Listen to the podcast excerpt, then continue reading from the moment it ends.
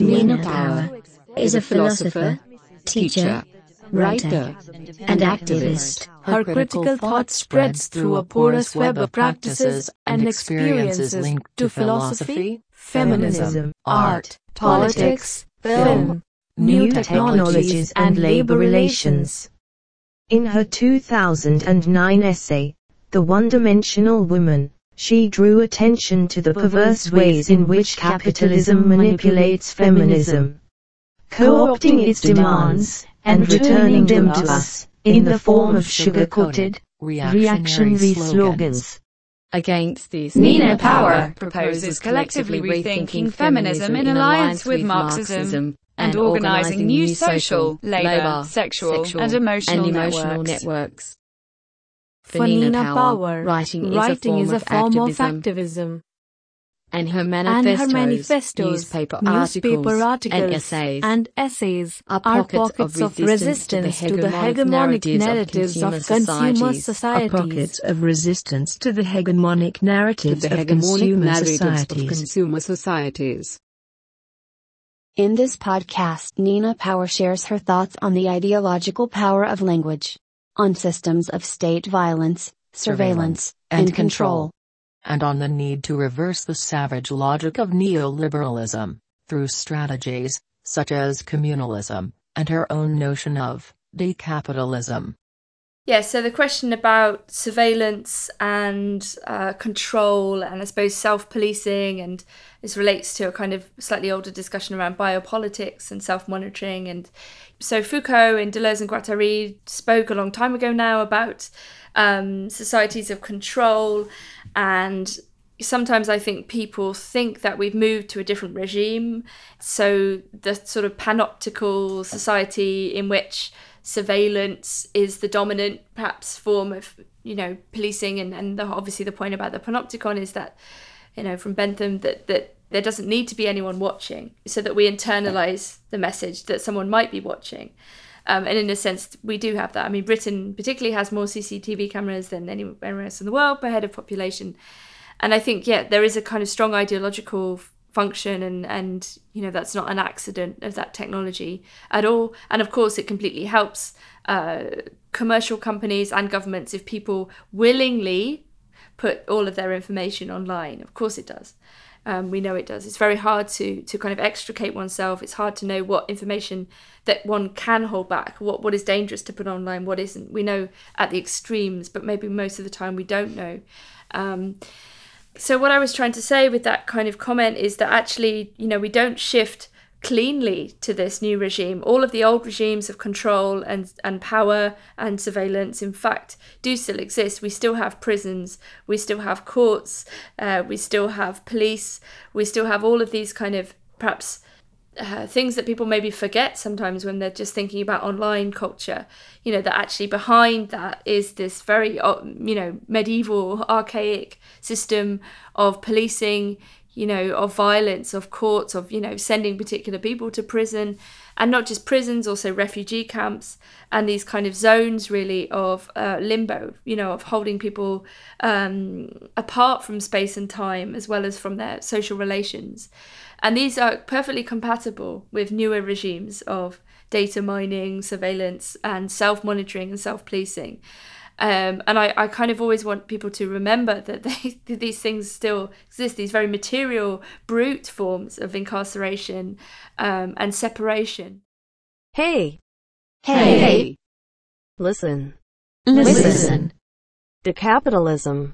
Decapitalism. Unlearning the lessons of capitalism. Unlearning the lessons of capitalism. Capitalism. The invention of new words, and particularly this concept that I've been writing about for a year or two um, now, which is this concept of decapitalism. Of course, I'm completely complicit with the proliferation of terms, uh, new terms, neologisms, and, and false words. Uh, but it does try to capture something real, I think. So, what I wanted to do with decapitalism, um, you know, was to take the prefix um, from um, decolonialism, um, but also from um, deschooling in particular, which is the Ivan Illich um, idea that actually what we're taught at school is is not. Uh, you know the expansion of uh, knowledge in a way but more conformism to society and that actually we need to deschool ourselves so i was interested in this process of uh, decapitalizing ourselves. Like how do we um, unlearn the lessons that capitalism has you know continues to try to teach us if you like? It's also a kind of uh, intervention into discussion around um, anti-capitalism which um, it, it is a I regard it as a form of anti-capitalism or way of thinking that of course is anti anti-capitalist in the sense of oppositional.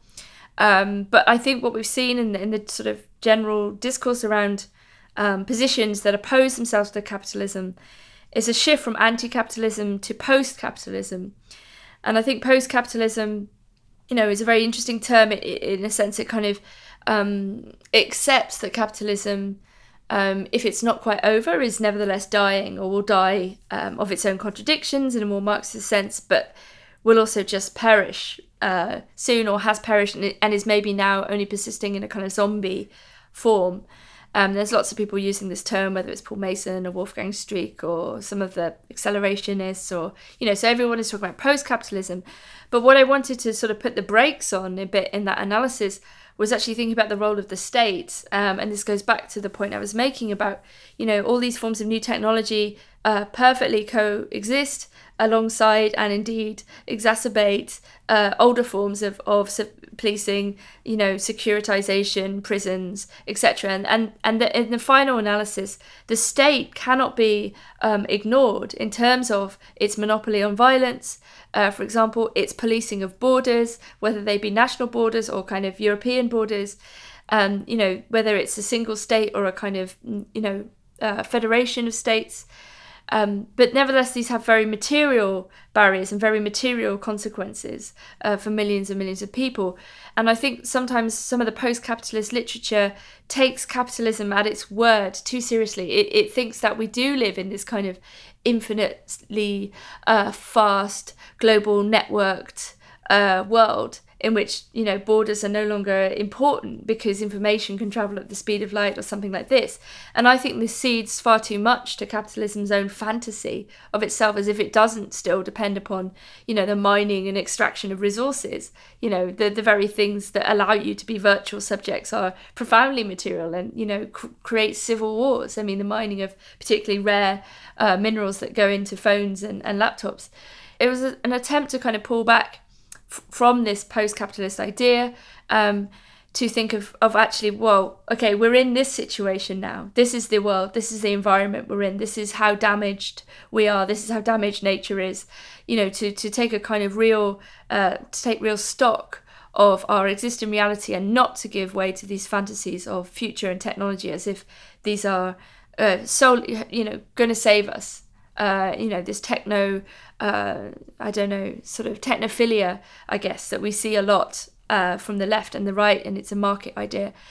Um, but also, I wanted to keep, yeah, not the not just the deschooling, de decolonial um, idea, but also the decapitation idea and the idea of like cutting off the head of the ruling class, and to think about that kind of revolutionary history um, which does see a, a, gap between the sovereign and the subject and wants to give power back to the multitude um, and to the people and to kind of identify the fact that there is um, a ruling class, there is a state whose interests are not shared by the people. And in fact, in revolutionary situations, this is in fact what gets realized. Um, so it, it's partly humorous too. I wanted to just think about you know, from a, almost like a rhetorical or polemical point of view, what it means to rethink the the beheading of the monarch or the decapitation of the state. So there's some excellent work, of course, by uh, Cixous uh, and others, and Christopher, who both written about beheading and decapitation. And Freud says uh, precisely that uh, the Medusa is like the fear of castration, the the mother's head, uh, the mother's well, your head, your mother's sex, you know, it all gets confused. So it was thinking from a feminist point of view also about how to start from a position where one is already beheaded in a way, whereas one doesn't have a head to lose, whereas where one is castrated from the start, whether it's in terms of being allowed to speak or participate or being recognized as as either a, a head, a face, or a body, or a voice, but you know, having not being allowed to have them all together within the visual realm or the political realm. So yeah, so it has a strong kind of feminist uh, angle as well. Hey, Hey, hey, listen. hey, listen. One Dimensional Woman, Yes. 2009. So at the time, I suppose I was about the way in which the word feminism was used. I was thinking about particularly um, the way in which it was invoked in order to take Britain and other countries into uh, back into Iraq uh, to go to war, and obviously there's long been this Islamophobic idea and this, you know, as as Spivak says, you know, this fantasy of of white men saving brown women from brown men, and all of that that was that was all there as well. This kind of you know supposedly democratizing and supposedly humanizing uh, aspect of the war. Um, you know, which was obviously really much more about resources and control and power. Um, but one of the dimensions of this propaganda campaign was really that this was a feminist war, that these Western imperial countries would be liberating uh, women. And this was done, you know, as I say, by, by right wing politicians, but invoking the language of feminism, which struck me as, you know, profoundly bizarre, given how in any other aspect they were completely opposed to the demands of feminists.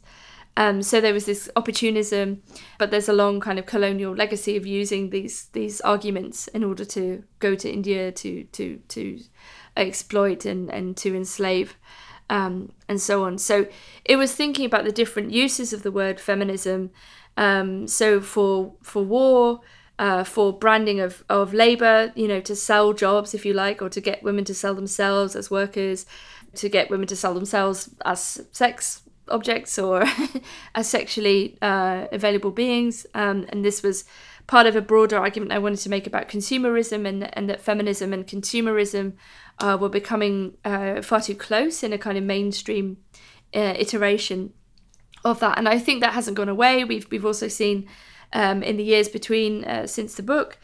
Uh, the rise of corporate feminism, which existed then too, but the kind of CEO feminism of somebody like Sheryl Sandberg, and this idea of, well, women just need to, you know, try a bit harder and then they too can become bosses. And isn't this great? And I, I think, you know, obviously this is this is very very elitist feminism that's only ever going to apply to very few, uh, few women um, globally um, or even in a specific country so about the question of how how women particularly perhaps are, are kind of forced to brand themselves or, or how branding self branding or self imaging works um, today. I mean i think it's interesting for me. I mean when i put that very short book it's more like a pamphlet but together you know in, in 2009 i mean really and, and actually a lot of the material was from before. It was actually describing a period before the global economic crash and actually you know i would change I would absolutely adapt what I wrote in some ways. And I, I was thinking about at that time the, the branding of work for women and, you know, the feminization of, of labor, so called, which is a complicated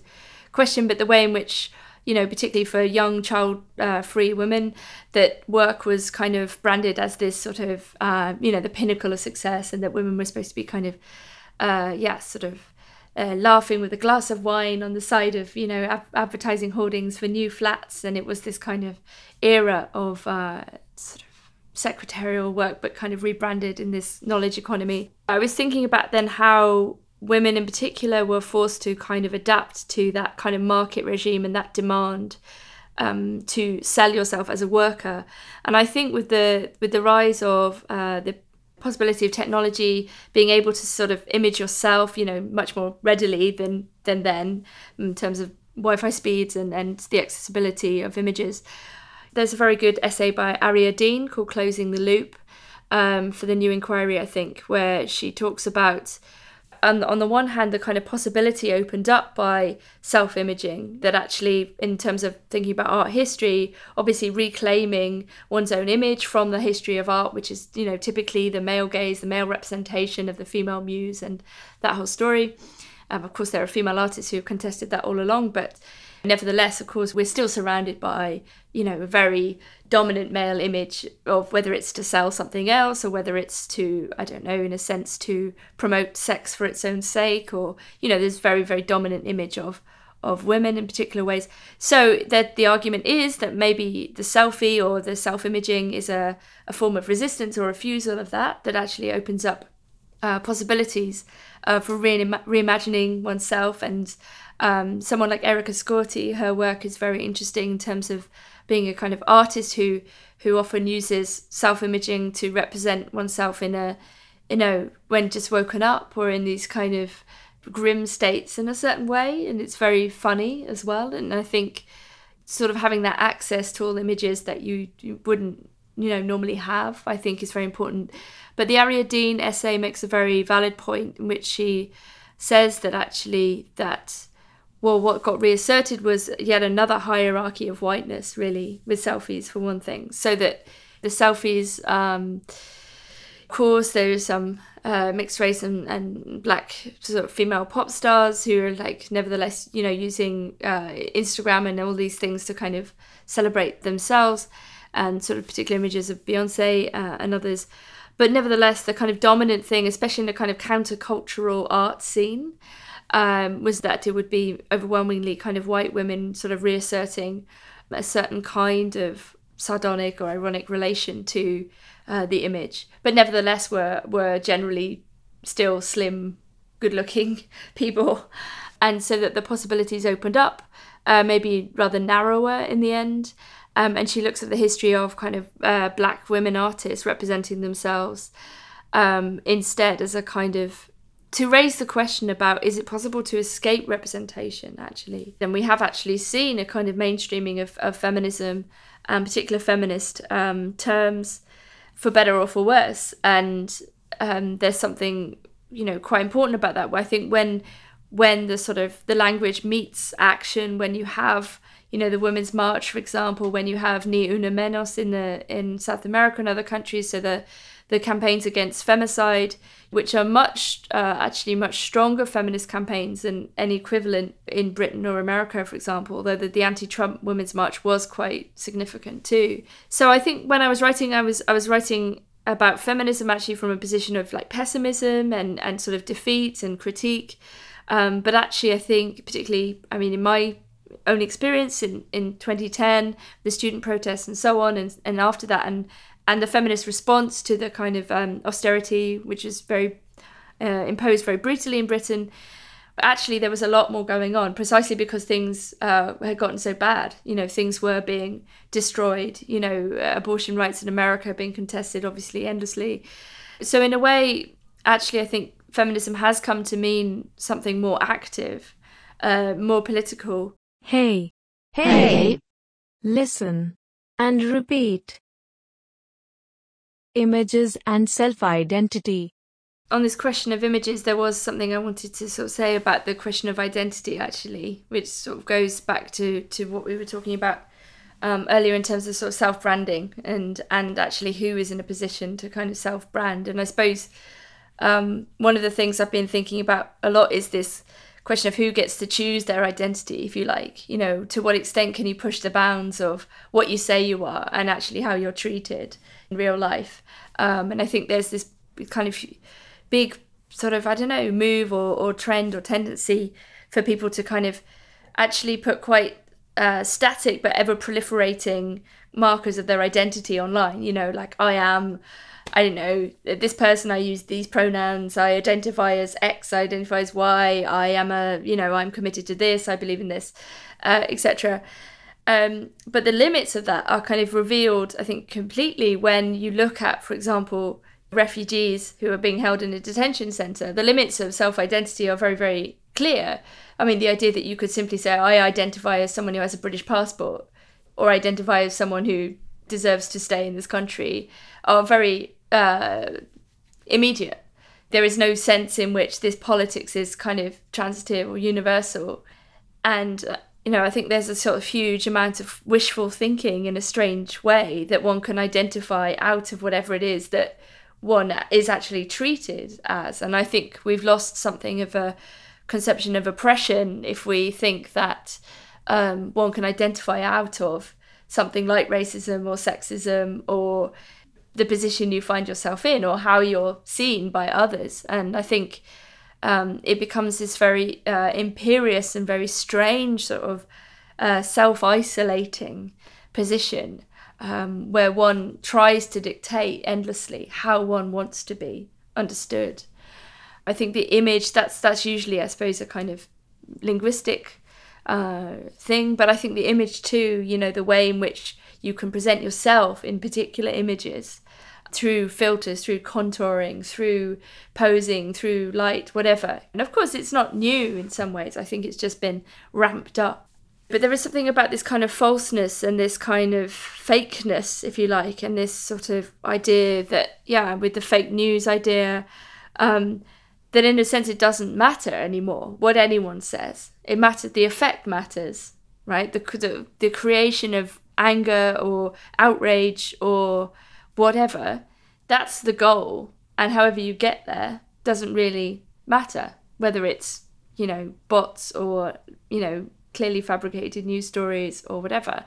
And there is a kind of quantitative dimension to this. Again, this flooding. If you flood social networks with enough repetitions of the same fake idea, um, then it will somehow take hold. And I think we we see we see this endlessly with kind of paranoia around um, panics, you know, panics over sort of whether it's satanic abuse or, you know, paedophile circles and so on. And it's not that those things don't have a reality to them. I mean, as we're seeing in Hollywood, of course, every you know, these things everybody knows, but now only somehow now does everybody really know. And there's no doubt there are rings of child abuse and so on. But, you know, in Britain, for example, we had this recent um, yeah, kind of panic around this that the establishment were all involved in this kind of gigantic paedophile ring and all the celebrities and police chiefs and the royal family and MPs and everything. It's not that there aren't child abusers in those ranks, uh, but people get caught up in a narrative because everybody wants a narrative. We're, we're obsessed with stories that make sense or think make sense or sound palatable or even sound palatable because they sound so strange and and all of these sort of desires for fiction if you like to be entertained are very easily manipulable and that's you know very dangerous. Hey listen and repeat. The language of the new brutality. Yes the language of the new brutality. Thinking about something like the online influence of the right and thinking about the role of memes in uh, kind of contemporary culture and their sort of strange status as something that has both an image and words together. And so I was looking at the work of Victor Victor Klemperer, who was um, a Jewish man living under a Nazi regime, and he was married to a non-Jewish woman, and she was able to get him various um, texts. And he was a philologist, so he spent um, in in great danger. Uh, really, uh, you know, he wrote diaries, but he he wrote this very famous book which is called The Language of the Third Empire. Well, it's in Latin, but uh, where he tried to analyze what was particularly uh, fascist or Nazi uh, about the language uh, that the Nazis were using and how it changed the way people kind of related to each other, how they thought. And he argued, amongst other things, that all written speech, so things in newspapers, started to sound like uh, that they had to be spoken. So all the written word became just like a, a, speech, like a shouted kind of declaration. So like the Hitler speeches. And I thought this was an incredibly important observation about how kind of language um, itself can be tr- sort of transformed politically. And what I was thinking with the meme and the image is obviously online we have a kind of very um, visual um, culture very you know well with web 2.0 i mean it used to be purely text based in the sense that the you know the wi-fi the internet was too slow. Um, but now obviously we can have images and but there's obviously something kind of cheap and, and tacky about the, the meme as well. So it's a kind of uh, sort of debased image like deliberately debased and uh, playing around with kind of irony. Um, and i think this yeah what i was thinking of then i suppose was you know, what's the violence of the, the meme? What does it mean if we fuse uh, the image uh, with words so casually? Um, and maybe it's a very simplistic point. I mean, of course, there are cartoons, there have been comics. You know, this is a kind of uh, not not a new thing, um, but I think there's something about this sort of single image with a, I don't know, an ironic or mocking statement and a sort of visual image, whether it's of like Pepe the Frog or something else. So behind that project, I guess, is a, a concern with with how human beings, I suppose, deal with images as such. And I think in the West, the the idea is that the the visual field is flooded, so that we're kind of completely surrounded by images, and on some level, we're supposed to um, think that they're all kind of roughly equal, like that we can tolerate or take all images, that we just kind of process them, and that we're somehow able to to handle them. And I think this kind of denies the fact that there is a possibility of the violent the violent image, you know, that the image itself, the representation itself is always an act of violence. And I, of course, this is not an original argument in some ways, but I think the internet kind of forces that question uh, to be posed anew you know and i think obviously we we do live in a world in which there are people who are paid to to filter out those images that are that are deemed too horrible. So people in the philippines and elsewhere who are paid badly who have to look at decapitation child abuse animal abuse and so on to, to prevent them coming onto social media. So in a sense there's a kind of hypocrisy about the image in the west i think that we sort of think oh yeah okay we can tolerate any horror any fictional violence um, but actually, there are all these kind of limitations in some ways, and that might be about brand protection. It might be about protecting children, and so on. And I think, but I think what that misses is the fact that some images have a particular kind of power. You know, that they have a sort of force. Listen.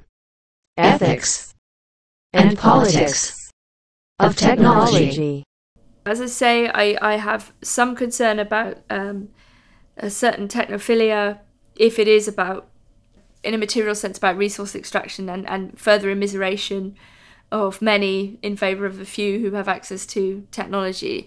And I have written about people like Shulamith Firestone um, before who, you know, sort of very controversially proposed that sort of technology would would solve the problem of biology for women. So, you know, thinking about things like artificial wombs and so on, and um, that this would be a kind of liberation.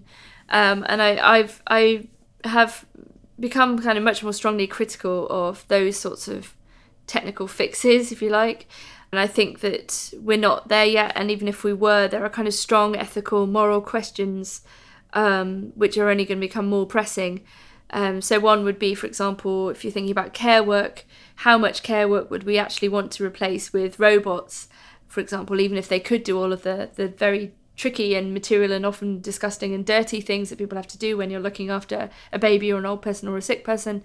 Um, and I think, you know, there is a kind of strong human dimension uh, to these questions, or a humanist dimension even, which is to say, even if we could get robots to, to do some care work, um, is this a good idea? What about questions of loneliness, bonding, um, and so on? So I think there's that aspect which again I'm not I'm not so gung ho about. Um, you know, I'm not I'm not suggesting that that they're saying straightforwardly that this technology will solve the problem. Of course, it's also a question of political organizing. You know, it, it doesn't it matters very much in a sense who has uh, who is funding these things. You know, and, and obviously we know sort of Silicon Valley lots of people that have have some extraordinarily dubious views, whether they be about women or population or race or um, their own immortality. You know, there are kind of groups of people running around doing all manner of ridiculous projects with vast quantities of money, and they're very very influential. So, and, obviously under a different kind of political system, you know, the question of technology might become a different question. Might be about how do we organize care better? How do we ensure that people have access to food? How do we ensure that everyone has somewhere to sleep? So it's not that technology, of course, couldn't be used for planning, you know, for redistribution, but at the moment, it's it's not likely uh, that that's how it's going to go. Well, if not technophilia, then what? How do we use technology for our political ends? And of course, the left accelerationists and so on, and so Alex Williams and Nick Srnicek and, and the xenofeminists also want this. I mean, they want to repurpose capitalism's platforms for socialist ends, you know. So we're not in disagreement about that. I think it's very, it's kind of increasingly obvious how we might use networks um, for progressive ends you know, capitalism, as Marx points out, it does serve some positive functions. You know, it destroys superstition, it destroys older, perhaps oppressive family relations. You know, it does open us up to new worlds of um, ways of imagining the globe, thinking globally, thinking internationally. And there's a sense in which the flip side of some of these capitalist enterprises could be kind of communist reimagining. So yeah, it's not Luddism, but I think I'm more maybe occupying this role of a kind of critic, someone who's who's in agreement, but just wants to make sure that we're not rushing into something. And it may be that we don't have too much choice. It's not like the left is particularly strong. And but in Britain, for example, with Jeremy Corbyn, it's been very important, and they're all talking to him. You know, they're having these discussions about universal basic income, for example. Um, you know, it's hard to imagine how that would be impl- implemented in, in Britain and many other countries, although they are uh, thinking about it in places. There's trial runs in Finland at the moment. Switzerland voted on it, but they voted no because they didn't want immigrants to have it, of course. Um, but you know, something like UBI is not straightforwardly a left or right policy. It could be used by either kind of government. It could be used by a socialist government, as long as the you know it could be used to even improve the existing health service. So if people had differential needs, which they do, it wouldn't mean that you had to kind of make decisions about how much you could pay on your health care. Um, it would protect people from landlords who just up the rent if everybody got a certain amount of money you know, something like that. But then there are right wing governments who might be like, right, okay, we're going to give all of our citizens, everyone who has this passport, UBI, but then we're going to close the borders. You know, so you can see how it could be used in like very, very different ways. And so, in some of my discussions with Alex Williams and Nick Srnicek, we discussed UBI. They're very for UBI um, talk, I talked instead about a global basic income. So there is a campaign for a kind of global basic total redistribution of the world's uh, monetary resources, which would be something like one or two dollars a day. It wouldn't make very much difference at all to somebody in a rich, you know, Western northern country, but it would make it would lift, on the other hand, millions, if not billions, of people out of ab- absolute poverty. Um, of course, then we might want to have a discussion about whether we want money, whether we need a money system. Um, but, you know, nevertheless, there's ways of kind of entering into this debate, which is not to completely uh, try to destroy it, but to, to reformulate the question, to make it more expansive. One more time. Yes. yes. Listen. Commoning as a practice.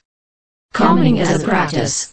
So, on the question of the commons, some of the most important people working on this question would be people like Silvia Federici, who obviously does that excellent historical work of tracing uh, not only enclosures in the sense that we might normally historically understand it about enclosing land, booting you know people off the land, forcing them to become uh, sort of labor laborers and sell their labor power, but also about the enclosures of women's knowledge in particular, um, and the idea that the you know construction of witches. But I think Federici and Caffentzis and some of the people who work on Midnight Notes and this these other kind of groups around um, them, you know, really looking at communism uh, not in terms of kind of state uh, state communism in terms of you know particular early 20th century image of industry and that kind of thing, but thinking about it in terms of um, commoning as a practice. So the idea of um, yeah thinking very carefully about resources that actually it's re- material resources that are the kind of key question because what happens um, after enclosures is that precisely all that land which was being shared and used is taken away it's privatized. You can no longer access the fruit that falls from the trees. Your pigs can no longer eat the acorns. Um, you can't collect twigs for firewood. You can't do any of these things anymore because all of those things belong apparently to somebody else, so to the landowner. Um, and it's also a kind of question of, of organizing, political organizing. How might we best um, manage resources such that everybody has access to enough, to everything they need, not necessarily what they want, because want is a kind of you know, you know, capitalism is the proliferation of desires that we think we want something, but we don't need it, right? So I think it raises that question of need. It raises that question of preservation of the land, you know, how and and sustainability. You know, what does it mean if you have to get enough to eat, but also you don't eat so much that the crops are wasted or there's no animals left or you know all of those sorts of things. So they sound sort of very arable and and farm like. Um, but if we scale that question up to everything that exists now, so the sum total of stuff that's in the world, you know, what would be the best way to redistribute everything that's been produced, um, and in a in a fair way, in a way that would make sense in terms of people's different needs. There isn't there isn't a good answer to that, but I think what's important about thinking about material reality and thinking about political um, approaches to it is to say, well, look, even thinking through these things means that there's a alternative. If we stop being able to ask questions or to, to think about these things, then we then there's no alternative whatsoever. You know, then we're just going along with, you know, the world is everything that is the case, capitalism is the only game in town. We just like live our lives and die and that's it. So I think, you know, you have to start somewhere and I think there are loads of resources in history and in the present for for rethinking these things. One of the things that the enclosures in all of its forms historically and in the present does is take away um, our ability to do things for ourselves and to take away our capacity to to have skills i suppose. It's a form of de-skilling and yes i mean i think if you can create dependent subjects and dependent consumers who are addicted to sugar or need to call somebody to cl- clean their clothes or you know all of those sorts of things yeah then you create very sort of needy dependent people who are willing to spend money and the question of time and having time to learn skills is maybe a kind of crucial one here. Um, and I think we've also lost a lot of the way the that information and knowledge could be passed from generation to generation. You know, we don't really particularly treat old people with very much respect in the West. We don't learn anything from our elders or our parents. You know, somehow we we are too entranced with other things to listen. And I think that's yeah a big problem. So in a sense, yeah, the continuing process of enclosure is a is about um, preventing access to, to knowledge and skills. Yeah.